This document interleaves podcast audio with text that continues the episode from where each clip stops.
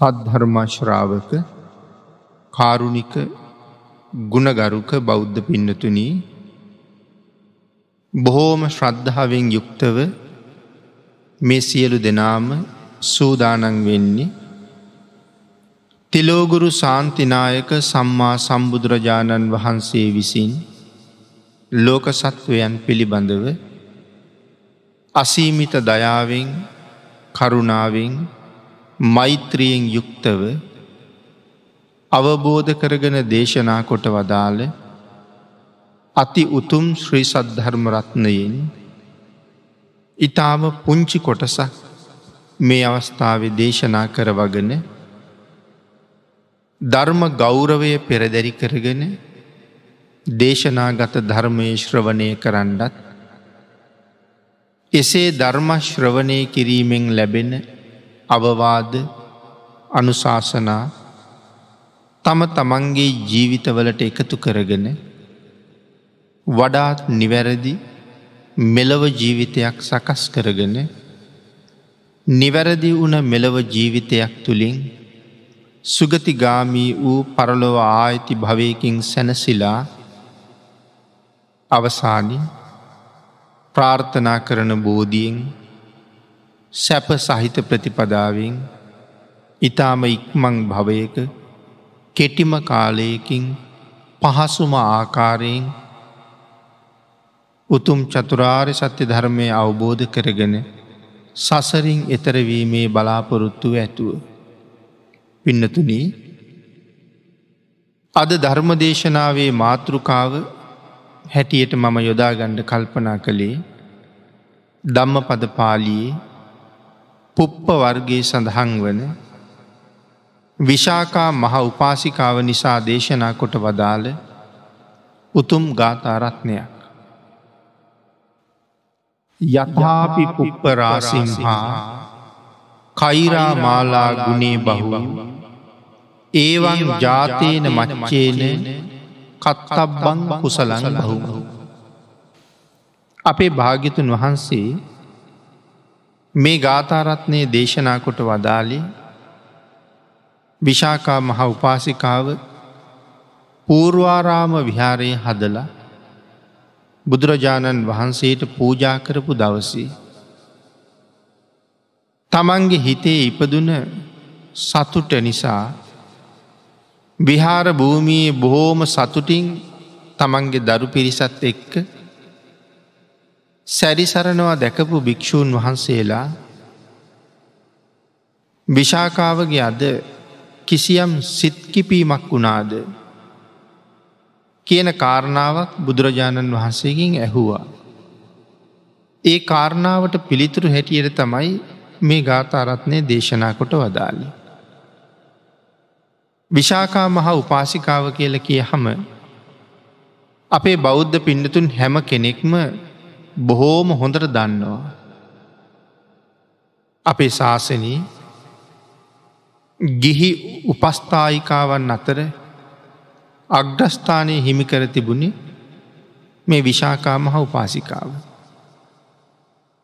විශාකාව කියල කියන්නේ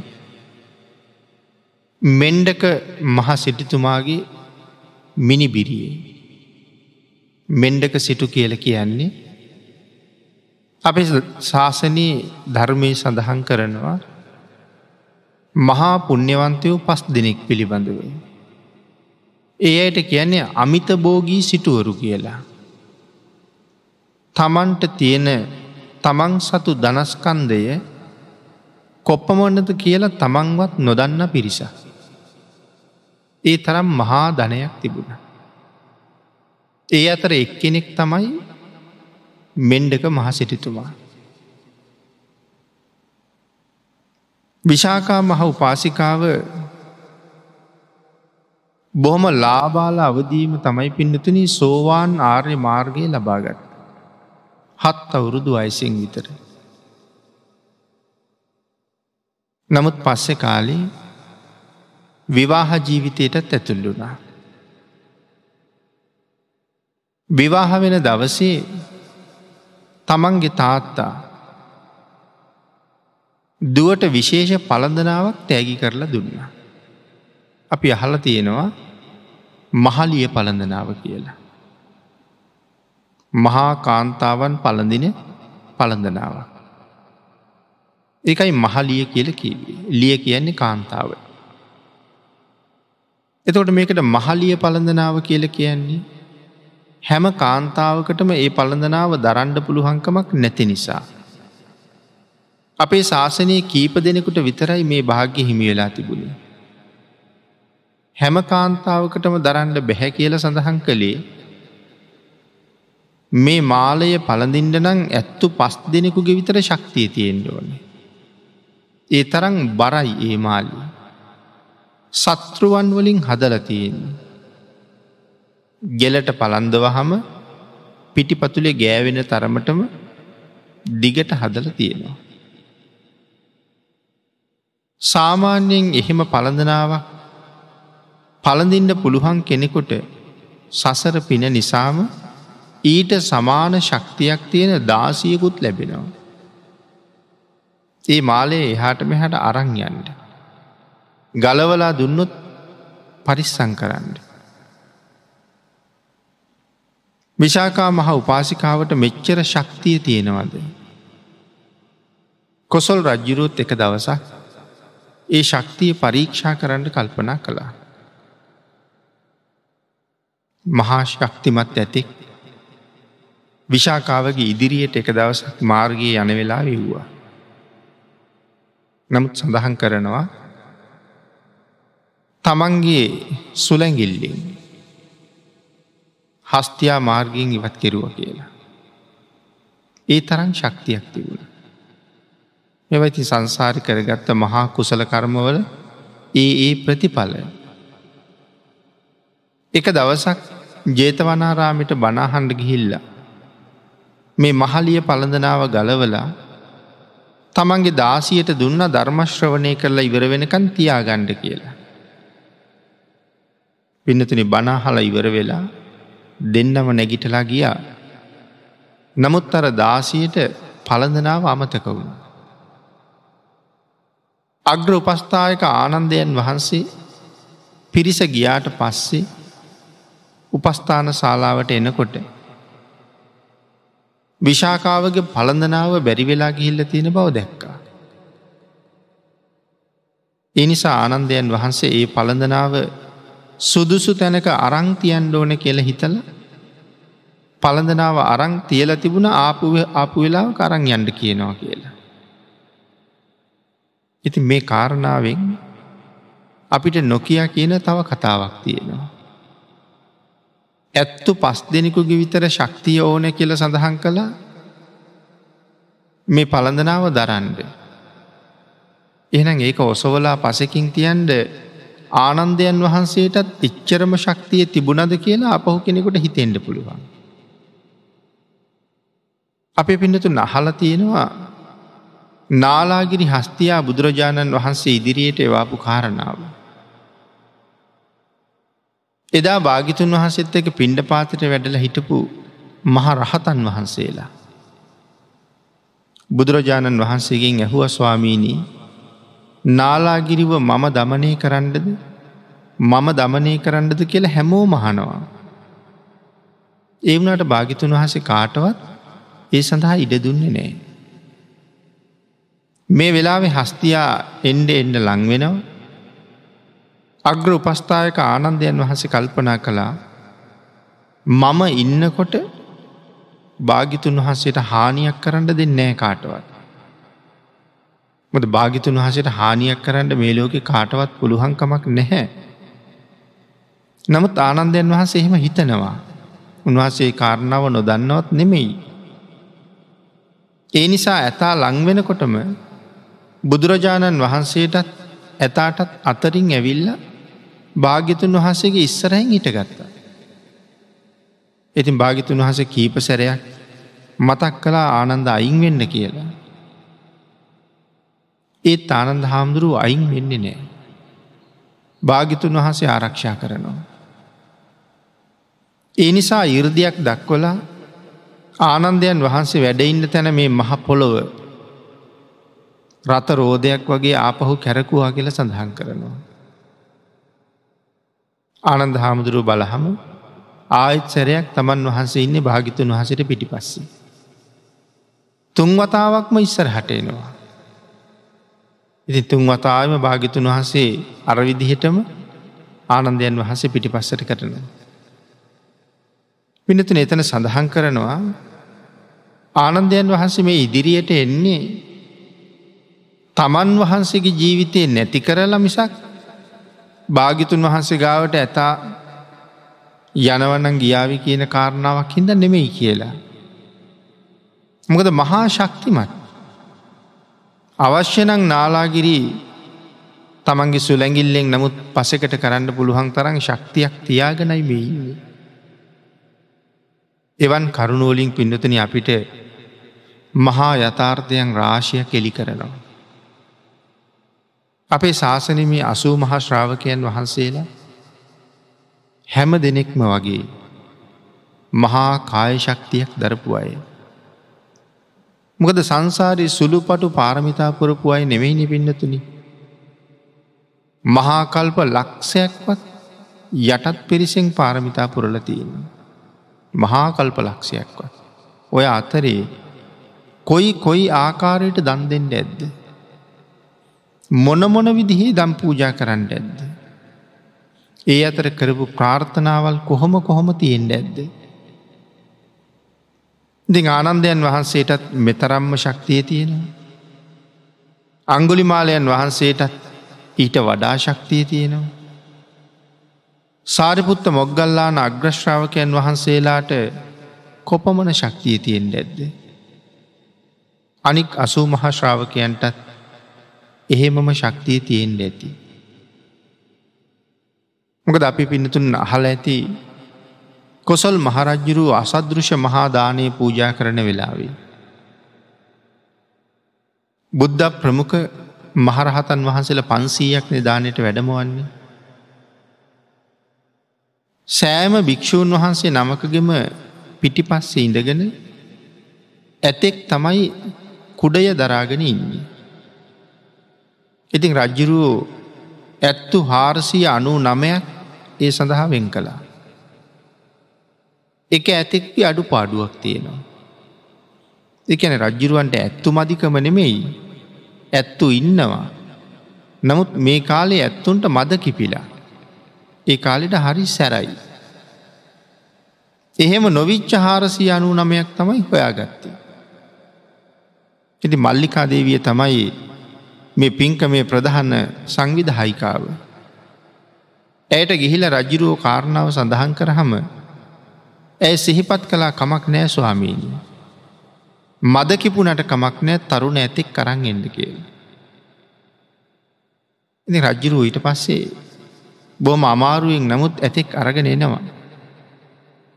මල්ලිකාදේවීගෙන් ඇහුවා දැම් මේ කලබලකාරී ඇතා කවුරු ගාවද තියන්නේ. ඇය සඳහන් කරනවා ස්වාමීණී අංගුලි මාලයන් වහස ළඟට එක්ක ගිහිල්ල කුඩේ දීල එතන තියන්ඩ කිය. ඉන්නතිනි සඳහන් කරනවා අංගුලි මාලයන් වහන්ස ඉන්න තැනට ලංවෙනකොට වලිගය පාද දෙක අතරි හඟවගෙන කම්පෙති දෙකත් පාතට නමාගෙන කුඩෙත් අරගෙන ඉහළගෙන යම් මොහොතක නැගිට්ටවන්න කටයුතු කලාද එතෙක් ඇස් දෙකත් පියාගනයි හිටිය කියලා. ඒ අවස්ථාවට සහභාගි විච්ච විශාල පිරිසක් විශේෂයෙන් මේ හස්තිය අදිහා බලාගෙන හිටිය. මේ තරම්ම කීකරූණයයි කියලා. ඒකට හේතුව තමයි තේජවන්ත භික්‍ෂූන් වහන්සේලා අතර අග්‍රස්ථානය තමයි අංගුලිමාලයන් වහන්සේට තියෙන්නේ. ඇත්තු හත් දෙනෙකුගේ විතර ශක්තියක් තියෙනවා. ඒ නිසා මේ තනි ඇතෙක් උන්වහන්සේ ළඟ මොනව කරන්නද. පින්නතුන ඒ තරං මහා කාය ශක්තියක් දරාගෙන. කුරා කූම්බියකුටුවත් කරදරයක් නැතුව. මේ මහා ශ්‍රාවකයන් වහන්සේල වැඩ හිටපු හැටි. අපේ භාගිතුන් වහන්සේටත් අපි මහා වීර කියල කියනවා. මේ අසූ මහාශ්‍රාවකයන් වහන්සේලාදී මහරහතන් වහන්සේලත් හැබැවින්ම මහාවීරවරු භාගිතුන් වහසේ සියල්ලන්ට ඉහලයි. එක පැත්තකින් වීරවරු කියල සඳහන් කළේ මෙතෙක් සංසාරයේ දුරුකරගණ්ඩ බැරිවුණ මහක් කෙලෙස් සාගරය උන්වහන්සේලා සුණු විසුණු කරලා ඉවර කරලයි තියෙන. සාමාන්‍යෙන් අපි දකින වීරවරු තමන්ට එරෙහිවෙන තමන්ට විරුද්ධ වෙන ඕනෑම කෙනෙක් සුණු විසුණු කරලදානවා. ඒකත් එක්තරා වීරත්වය. නමුත් පිඩතුනී ඊටත් වඩා මහා කාය ශක්තියකුත් දරාගෙන ඥානශක්තියකුත් දරාගෙන කුරු කුහුඹුවකුටවත් කරදරයක් නොකර තමන්ට එරෙහි වෙලා එනවනං යම් පුද්ගලේ ඒ පුද්ගලයට පවා අවවාද කරලා ඔහුගේ රලු පරලු වචන ඉවසලා ඔවුන්ට බණ කියල සතර අපායට යන්ඩ තිබිච්ච මග වහල අවුරුදු කෝටි ප්‍රකෝටි ගනන් සුගතියට මග සකස් කරලා සසරින් එතරවන වැඩපිළිවලත් හදල දෙනවනං යම් කෙනෙක් එවන් අය තමයි ලෝකයේ හැබෑම වීරවරු. මේ අසු මහාශ්‍රාවකයන් වහසල හැමෝම එහෙම මහශක්තිය දරණයි. අග්‍ර උපස්ථායක ආනන්දයන් වහන්සේත් ඒ මහා ශක්තියක් දරන නිසා තමයි අර පළඳනාව අරගෙන අසකින් තියන්නේ. ඉතින් විශාකා මහ දේවිය පස්සෙ පළඳනාව හොයාගෙන එනවා. ආවහම දැනගණ්ඩ ලැබෙනවා ආනන්දයන් වහන්සේ පළඳනාව අරං තියල තියෙනවා කියලා. පිනතින ඒ කාරණාව ඇහුවට පස්සේ විශාකා මහ දේවියට නැවත ඒ පළඳනාව පරිහරණය කිරීමේ ආසාාව එතනින්ම ඉවර වුණා. ඇය බුදුරජාණන් වහන්සේ ළඟට ගියා. ගිහිල්ල කාරණාව භාගිතුන් වහසට මතක් කරා. සඳහන් කරනවා විශාකා මහ උපාසිකාව ආනන්දයන් වහන්සේට බොහෝම ලෙංගතුයි කියලා. බොහොම සමීපයි ඉතා ප්‍රියයි. එනිසා ගිහිල්ල භාගිතුන් වහසට සඳහන් කරනවා ස්වාමී නිභාගිතුන් වහන්සේ බැරිවෙලා ගියපු පළඳනාව මගේ ස්වාමීන් වහන්සේ අරගෙන පරිස්සමට තියලා. ස්වාමීනී උන්වහන්සේගේ අතින් ඒ පළඳනාව ස්පර්ශ කලාට පස්සේ. ඒ පළඳනාව පළඳින්ට ආය මම සුදුසු නෑ. උන්වහන්සේක ස්පර්ශ කලා කියල කියන්නේ ඒක උන්වහන්සේට පූජා වනා හා සමානව. නමුත් ස්වාමීනී ඒ පළඳනාව උන්වහන්සේටම මම පූජ කලා කියල ඒකින් කිසිම වැඩක් ගන්න නෑ. එක පලක් නැති දෙයක්. නමුත් මං මේ පළඳනාව මිල කරන්න කැමතියි ස්වාමීනී. භාගිතුන් වහන්සේ මට අනුකම්පා කරලා ඒ මිලෙෙන් ශාසනය උදෙසා මම කුමක් කරන්නද මට ඒක කියන්න කියල සඳහන් කළා. ඒ වෙලා තමයි පින්නතිනි භාගිතුන් වහස දේශනා කළේ උපාසිකාව එහෙනම් සියලු සංඝයාගේ ප්‍රයෝජනය උදෙසා විහාරයක් කරවන්න කියලා. පළඳනාව මිල කරලා කෝටි නමයක් ඒ මුදල්ටි කාරගන්න විහාරයක් කෙරෙව්වා. සඳහන් කරනවා විහාර කර්මාන්තය සඳහා කෝටි දහටක් වියදැන් වුණා කියල. මොකද පින්නතුනී කුටි දහසකින් යුක්ත පන්සලක්. උඩුමහලිකුටි පන්සීයයි පාතමාලිකුටි පන්සීයයි. පූර්වාරාම විහාරයි. විහාරය කටයුතු ඔක්කෝම ඉවර කරලා විශේෂයෙන් විහාරි පූජා කරන පින්කම ඒ පින්කම සඳහත් තවත් කෝටි නමයක් වියදන් කලා කියල කියනවා. රහතන් වහන්සේලාගේ අනුග්‍රහය මේ විහාරි කරනකොට ඇයට බොහෝසේ ලැබුණා. මහමුගලන් මහරහතන් වහන්සේ බොහෝසේ අනුග්‍රහ කළා.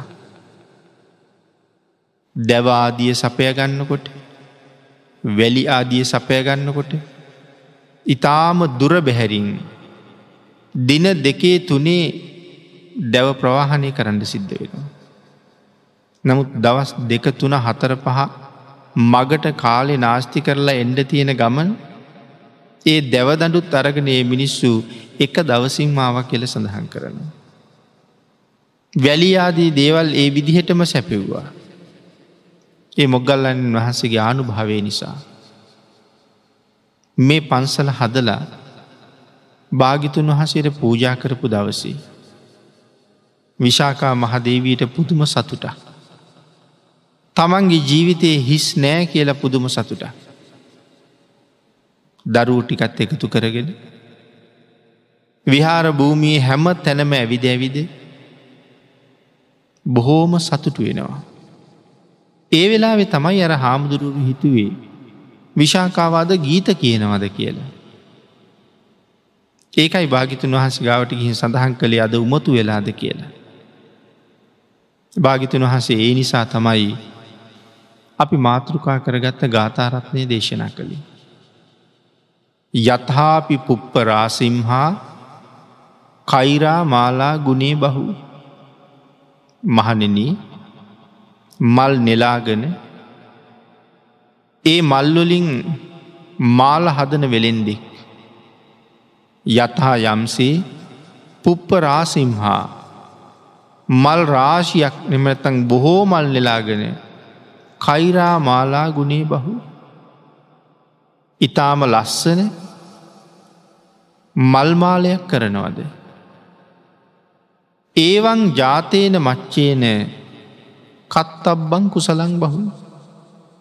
ඔහු ඒ මල්මාලය කරලා යම්සේ සතුටු වෙනවද. අන්න ඒ වගේම උපන්නා වූ සත්වයා ඒවන් ජාතයන මච්චේන. කත්තබ්බං කුසලං බහු. බොහෝ කුසල් රැස් කරගෙන සතුටු වී යුතුයි. එක තමයි ගාථාවේ සරල තේරුම්. භාගිතුන් වහසේ මුලින් සඳහන් කලා මල්කරුවෙක් සම්බන්ධ උපමාව. මෙතනද පින්නතුන මල්කරුවා බොහෝසේ දක්ෂ වුනත් මල් නැත්තං මල් හිගනං ඒත් හොඳ මල්මාලයක් ගොතන්ඩ බැරුව යනවා. මල් බොහෝසේ ලැබිල තිබුණත් මාල ගොතන පුද්ගලයා ඒ තරන් දක්ෂයෙක් නෙමේන ඒත් මල්ටික අපතට යනවා හොඳ මාලයක් කරගණ්ඩ බැරුව යනවා. මාලා කරුත් දක්ෂයි මලුත් තියෙනවන ඉතාම උසස් මාලයක් හදන්න පුළුවන්. මාලාකරු දක්ෂත් නැත්තං මලුත් හොඳට නැත්තං කොහොමත් උසස් ගනී මාලයක් හැදෙන්නෙම නෑ. භාගිතුන් වහසේ දේශනා කරන මේ උපමාව. පංචකාම ලෝකයට සම්බන්ධ කරලයි දේශනා කරන්න. පින්නතුන මල් කඩල රැස් කරන වෙලෙන්දි හොඳ දක්ෂයෙක් වෙන්ඩෝනේ.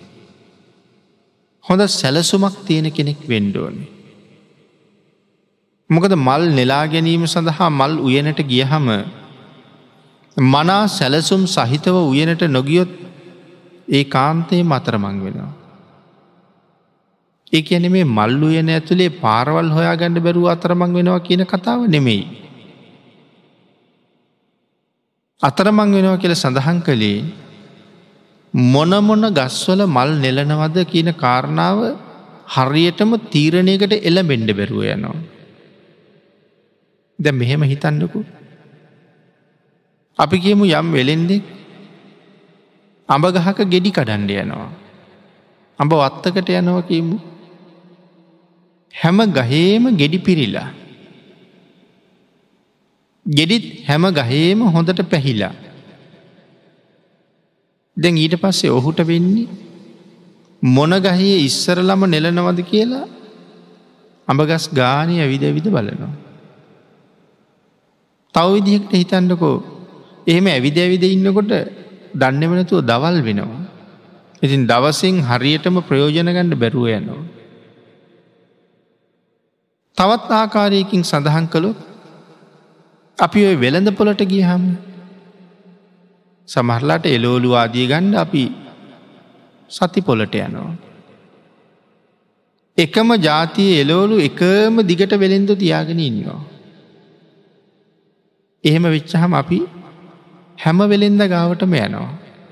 ගණන් අහනවා එලවලු ජාති අතට අරං බලනවා ආය තියෙනවා අනික් වෙළෙන්ද ගාවට යනවා එකම ජාතිය තියෙන්නේ. නමුත් හැම තැනම බලනවා.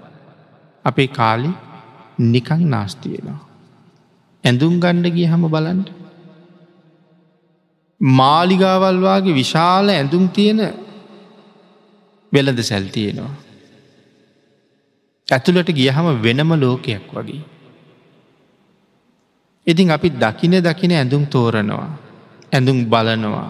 ඇඳල්ල බලනවා. ඇඟට තියල උස බලනවා. අල්මාරි ඇතුළි තියෙන දේවල් අරන් දෙන්න කියල බලනවා. උඩ එල්ලලා තියෙන දේවල් අරන් දෙන්න කියල බලනවා. ඒ සියල්ලම ඇදලා ඒ තැනම දාලා තව පැත්තකට යනවා. මෙහෙම මෙහෙම ඇඳුමක් තෝර ගණ්ඩ ගියත් ලොකු අතරමංවීමක් අපට තියෙනවා. මොනවද ගන්නේ මොන ජාතියෙන්ද ගන්නේ මොන පාටින්ද ගන්නේ ආං එහෙම හොය හොයා බලබලා යනකොට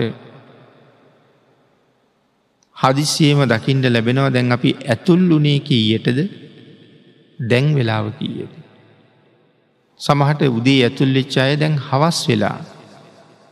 නමුත් තාමත් ඇතුළේ ගත්ත ඇඳුමකුත් නෑ. දැන් තමයි මතක් වෙන තව වැඩ හුඟක් තියෙනවා කියලා. එතකොට කලබලයට මොනවහරි ඇඳුම් ටිකක් අරගෙන ඒත් සතුටක් නෑ. ආපහු ඒක මාරු කරගණ්ඩ පුළුහන්ද කියලත් අහලා ඒ සඳහාත් බිල්පතක් ඉල්ලගෙන පිටත් වෙලා යනවා. ගෙදර ගිහිල්ල සමහරලාට ඒත් සතුටක් නෑ ආපහු අරංගෙනවා. අතර මංවීම.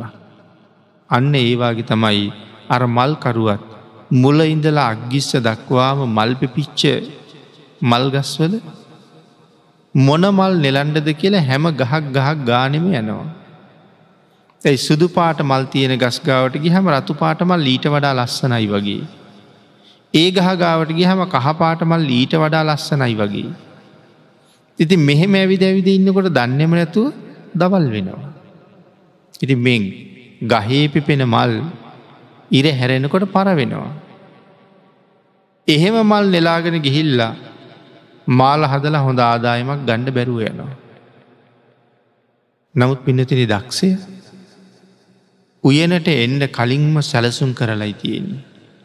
පෙරේද නෙලුවේ මොනවාගේ මල්ද පළමුදා නෙලුවේ කොයිවාගේ මල්ද ඊය නෙලුවේ කොයිවාගේ මල්ද අද කොහොම මල් නෙලුවද මං හෙට උදේට මොන ජාතිය මල් නෙලනවාද සැලසුමක් කරලයි තියෙන්නේ. හෙට උදේ තීරණය කලානං කහපාට මල් නෙලනවා කියලා මේ මල්ලු එන්නේ තියෙන වෙන කිසිම මල්ගහක් දිහා යන්නේ නැතුව කහපාට මල්ගස් ගාවට විතරක් ගිහිල්ල ඔහු ඉක්මන්ට මල්ටික නෙලාගන්නවා. කල්වේලාසනින් ගෙදර ගිහිල්ලා මල්ටික තෝරගෙන මාල හදාගෙන පොලට යන්න. හොඳ ආදායමක් අරගෙන හරි සතුටින් හවස් වෙනකොට ගෙදරේනවා. ඒක කරන්න බැරිවෙච්ච කෙනා පොලට යන්න අවස්ථාවක් නෑ දුකසේම අඩමින් හිස් අතිම්ම ගෙදර යන. මේ උපමාව අපිට මෙතන මල්කාරයෝ කියල සඳහන් කරහම පින්නතින ඒ අපි මල් උයන කියල පැහැදිලි කරහම ඒ තමයි ඔබ මම ඉපදුන මේ පංචකාම ලෝකය. එතකොට කොහෙද මල් ගස් තියෙන්නේ මෙහි. අපේ ශරීරයේ ඇසුරු කරගෙන ඉන්ද්‍රියන් පහ ගැන ධර්මය කතා කරන්න. අපි වට ගෙන පංච ඉන්ද්‍රිය කියලා. ඇහැයි කනයි නාසයයි දිවයි ශරීරය. මේ පංච ඉන්ද්‍රියන්ට අරමුණු වෙන වස්තු තියෙනවා. ඇහැට රූප කනට ශබ්ද දිවට රස නාසයට ගන්ධ කයට ස්පර්ශය. ලෝකය නැමති මල්වත්ති ඉපදිච්ච මල්කරූ අපි. දැ මේ පංචකාම නෙමති ගස්වල මල් පිපිලා. බැලූ බැලූ හැම තැනම තියෙන්නේ ඇහැ පිනවන දේවල්. කන පිනවන දේවල්. දිව පිනවන කෑම වර්ග. නාසය පිනවන සුවඳ වර්ග. කය පිනවන ඇඳුම් කොට්ට මෙට්ට ඇඳ ඇතිරිල්ලි මේවාදී නොයෙක් උපකරන යානවාහන් කය පිනවන දේවල්. දැන් අපි ජීවත් වෙනවා කියලා අපේ ජීවිත කාලෙ කරන්නේ මොනවද කියල කල්පනා කරලා බැලුවත්. මේ ඉන්ද්‍රියන් පස් දෙනා සතුටු කරවන්ඩ පුළුවන් කාම සම්පත් එකතු කරන එක තමයි අපි ජීවිතය කියලා හිතාගෙන ඉන්න. නමුත් භාගිතුන් වහස දේශනා කරනවා මහනිනි පංච කාමේනම් දුකක්මයි. ඒ තුළ සැපක් නැත්තේම නෙමේ ස්වල්ප වූ සැපයක් තියෙනවා. මද වූ ආස්වාදයක් තියෙනවා. හැබැයි දීර්ඝ කාලීන දුකක් තියෙනවා. මද ආස්වාදයක් තියෙනවා දීර්ඝ කාලීන දුකක් තියෙනවා. ද බලන්ටක පින්නතනී ගෙයක් හදාගණ්ඩ අපි කොයි තරං දුක්පිඳිනවද කියලා. සමහරලාට අවුරුදු ගානක් යනව ගෙදර වැඩ ඉවර කරගණ්ඩ. ඒ වෙනුවෙන් මහන්සි වෙච්ච තරම් හේංවල කුඹුරුවල මහපාරවල්වල රැකියාවල් කරන තැන්වල අපි කොයි තරම් මහන්සි වුණාද. අව්වේ වැස්සේ දිවාරාත්‍රී දෙකේම මහන්සි වුණා. මොකටද මේ තරං මහන්සිය. කෑමකන්නේ නෑ ඇහැට නින්දක් නෑ කායික විවේකයක් නෑ රෑ දවල් දෙකේම මහන්සි වෙනවා. ඒ මහන්සිවීම අපිට දුකක් නෙමෙයිද. කරදරයක් නෙමෙයිද. නිදහසේ ඉන්ඩ තිබුණනම් කොච්චර හොඳයිද කියලා ඒ කාලි හිතෙන් නැද්ද ඕන තරන් හිතෙනවා.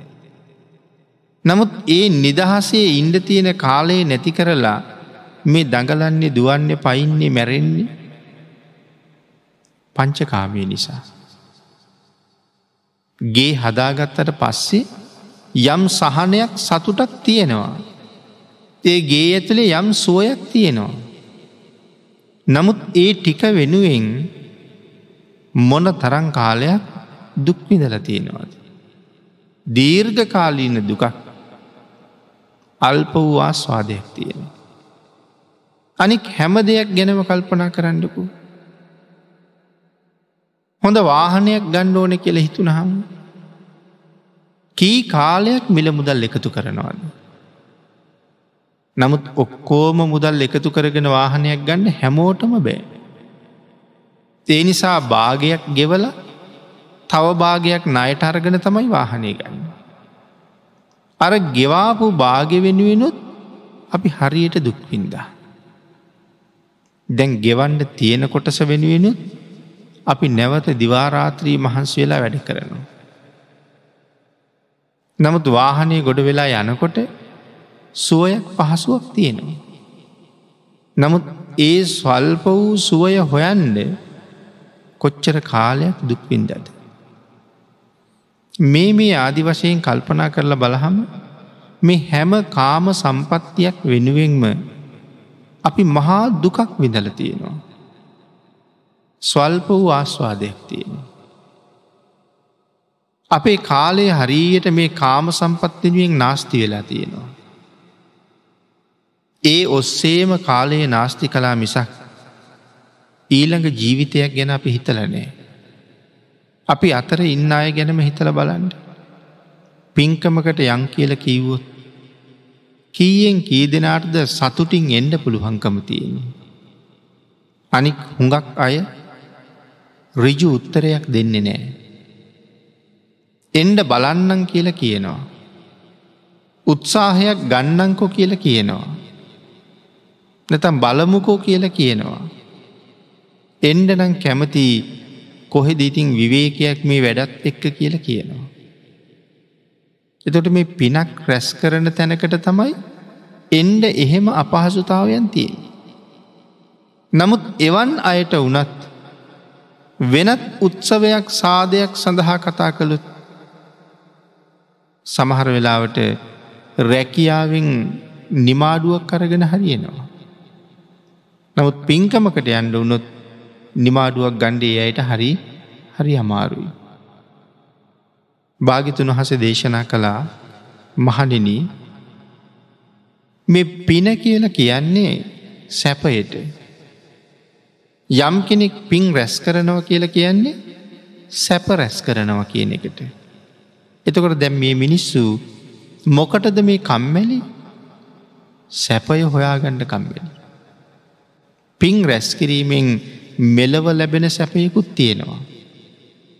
පින්නතුනී මරණින් පස්සේ ඒ කාන්තයෙන් ලැබෙන සුවිශේෂී සැපයක් තියෙනවා.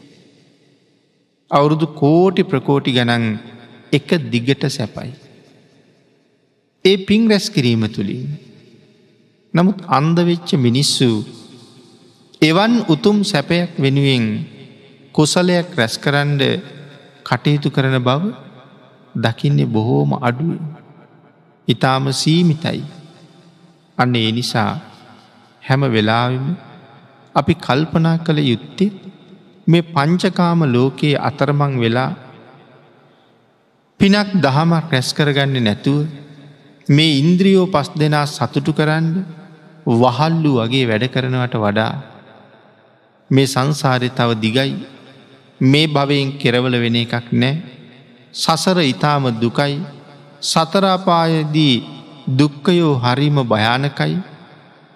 මේ පංචකාමය ඔස්සේ නැහිලා සතර අපාය කොහැරි ඉපදිලා අවුරුදු කෝටි ප්‍රකෝටි ගනන් අනන්ත දුක්විඳිනවද. එහෙම නැත්තං ශ්‍රේෂ්ඨ මනුස්ස ජීවිතයක් ලැබිල උතුම් බුද්ධාන්තරය මුණගැහිල්ල නිර්මල ධර්ම පර්යාප්තිය ඉතා පිරිසිදු විදිහටම නොසිඳී වැඩඉන්න වෙලාවක. අපි අපේ ජීවිතවලට මනා සාධාරණයක් කරගන්නවාද. එක අපි තීරණය කරගත යුතු දෙයක්. පිනතුනී බොහෝම මල් නෙලාගත්ත පුද්ගලයා බොහොම සතුටින්ම තමයි ඉන්නේ. ඇයි අද මල් හුඟාක් නෙලාගෙනයි තියෙන්නේ. ඔහු තමයි සතුටු වෙන කෙනා. මෙතන මල් කියල සඳහන් කළේ තව පැත්තකින් අපි රැස් කරන කුසල්. එමනම් කුසල් ගොඩාක් රැස් කරගත්ත පුද්ගලයා කොච්චර සතුටු වෙනවද පින්නතුනි. මරණය කවද කොයි වෙලාවේ ආවහම මොකද. තමන් බොහෝම කුසල් රැස් කරලා කුසලයෙන් පෝෂණයට පත්වෙලයින්න. එවන් අය මැරෙන්ඩ කොහොමත් බයිනැතියයි. ද මේ කාලෙ වෙනකොට වසංගත තත්ත්වයක් තියෙනවා. අපි ඕනෑම වෙලාවක මැරෙන්ඩ පුළුවන් කියන කාරණාව අපි කලින් ඉඳලම දන්නවා. නමුත් මේවාගේ වසංගත ඇවිල්ලා අපි ජීවිතවලට මෙහෙම වෙයි කියලා අපි මීට අවුරුදු දෙකතුනකට කලින් කවදාවත් හිතල තිබුණෙනේ. නමුත් වරින් වර වරින් වර වෙනස් වෙවී වෙනස් වෙවී එනකොට දැන් ඉතාම භයානක තත්ත්වයක් තියෙන. සමහර රටවල්ලොල ඇවිදගෙන යන මිනිස්සු මැරිල වැටෙනවා. හිටගෙන ඉන්න මිනිස්සු මැරිල වැටෙනවා. නමුත් අපි තාම හිතනවා ඒ අහවල් රටේනි කියලා. ඒ රටේ වෙලා තියෙන දේ මේ රටට එන්ඩ වැඩිකල් ගතවෙයිද. මේ රටට එන්ඩ බැරිවෙයිද. අපිත් හිතන්ඩෝනේ තව නොබෝ දවසකින් අපිටත් ඔයදේම වෙන්න පුළුවන්. නමුත් බේරෙන්ඩ ක්‍රමයක් නෑ. වලක්වන්ඩ ක්‍රමයක් නෑ. මූුණ දෙන එක තමයි කරන්න තියෙන. අපි භාගිතුන් වහස දේශනා කළේ උවදුරෙන් වලකින්ඩ බැරිමනං වහ වහා සිල්වත්වෙන්ඩ කියලා. වහ වහා ගුණවත්වෙන්ඩ කියලා. ඇයි එහෙම දේශනා කළේ. එහෙම කෙනෙක් මැරුණත් සැපයි. ඇයි සිල්වත් වෙලා හිටිය හම උපදින තැනනෙ තීරණය වෙන්නේ. කෙනෙක් සිල්වත් නං ඒකාන්තෙන් සුගතිය උපදිනවා. ඒකයි සිල්වත් එන්න කීවී. දානයක් දීගෙන තියෙනවන ඉපදුනාට පස්සේ බොහෝ දේවල් ලැබෙනවා. බවබෝග සම්පත් අඩු නැතුව ලැබෙනවා දානයක් දීල තියෙනවන. පිඩතින මේ වෙනකොටත් මනාව සීලයක් රැකගෙන හොඳට දම්පැන් දීගෙන දස කුසල ධර්මයන්ගේ යෙදිලා දසදාන වස්තුූ සම්පූර්ණ කරගෙන නං එවන් කෙනෙක් වසංගතයට බය වෙනවද. මැරෙන එක විතරයි වෙන්නේ. මැරුණට පස්සේ මීට වඩා සැප තැනක උපදිනවා. මීට වඩා හොඳ තැනක උපදිනවනං මැරෙන්ඩ බයක් හිතින්නේ. වසංගතය දැන දැනත් වසංගතය දැක දැකත් ඔවුන් ඉන්න හරි සතුටින් විශාකා මහදේවිය පන්සල පූජා කරලා මහා කුසල් රැස්කරගත්ත නිසා ඇය ඉන්නේ බොහොම සතුටින්. අපේ ජීවිතත් කුසලයෙන් පිරිලනං අපේ කාලි ගෙවෙන්නෙත් හරි සතුටි. අංගේ නිසා මේ උතුම් ජීවිතයට හැබෑම සාධහරණයක් කරමින් පංචකාම සම්පත්වලට අනවශ්‍ය විදිහට වහල් වෙන්නේ නැතුව එදිනෙදා පැවැත්ම උදෙසා අවශ්‍ය දේවල් සම්පාධනය කරගෙන අපි මෙහාට ආවෙ මොකටද පෙර පින් කරලයි මේ ඇවිල්ල තියෙන්නේ. දෙනම් අපි ආවේ මොකටද තව තව පින් රැස් කරගෙන ආයෙත් සුගතියටම යන්ට. එන්ද අපි ආපු කාර්ය ධර්මයත් එක්ක ප්‍රඥාවෙන් තේරුම් අරගෙන මෙහාට ආපු කාර්ය මුදුම් පත් කරගණ්ඩ වීරය වැඩුවොත් අපි හැමෝටම සතුටින් මැරෙන්ඩ පුළුවන්. එවන් උතුම් ජීවිතයක් පෝෂණය කරලා මෙලවින් සමුගන්නකොට සතුටින්ම සමුගණ්ඩත් සුගතිය ඉපදිලා අවුරුදු කෝටි ප්‍රකෝටි ගණන් සුගති සංඛ්‍යාත සැපවිඳලා සංසාරයෙන් එතර වෙන මගට ඇවිල්ල සසර දුක කෙරවල කරලා අමා මහ නිවන සැප සහිතෝම ශාක්ෂාත් කරන්න මේ සත්පුරුෂ පින්නතුන්ට මේ උතුම් සද්ධර්ම දානානිසංසය හේතු වාසනාවේවා කියලා ආශිර්වාද කරනවා.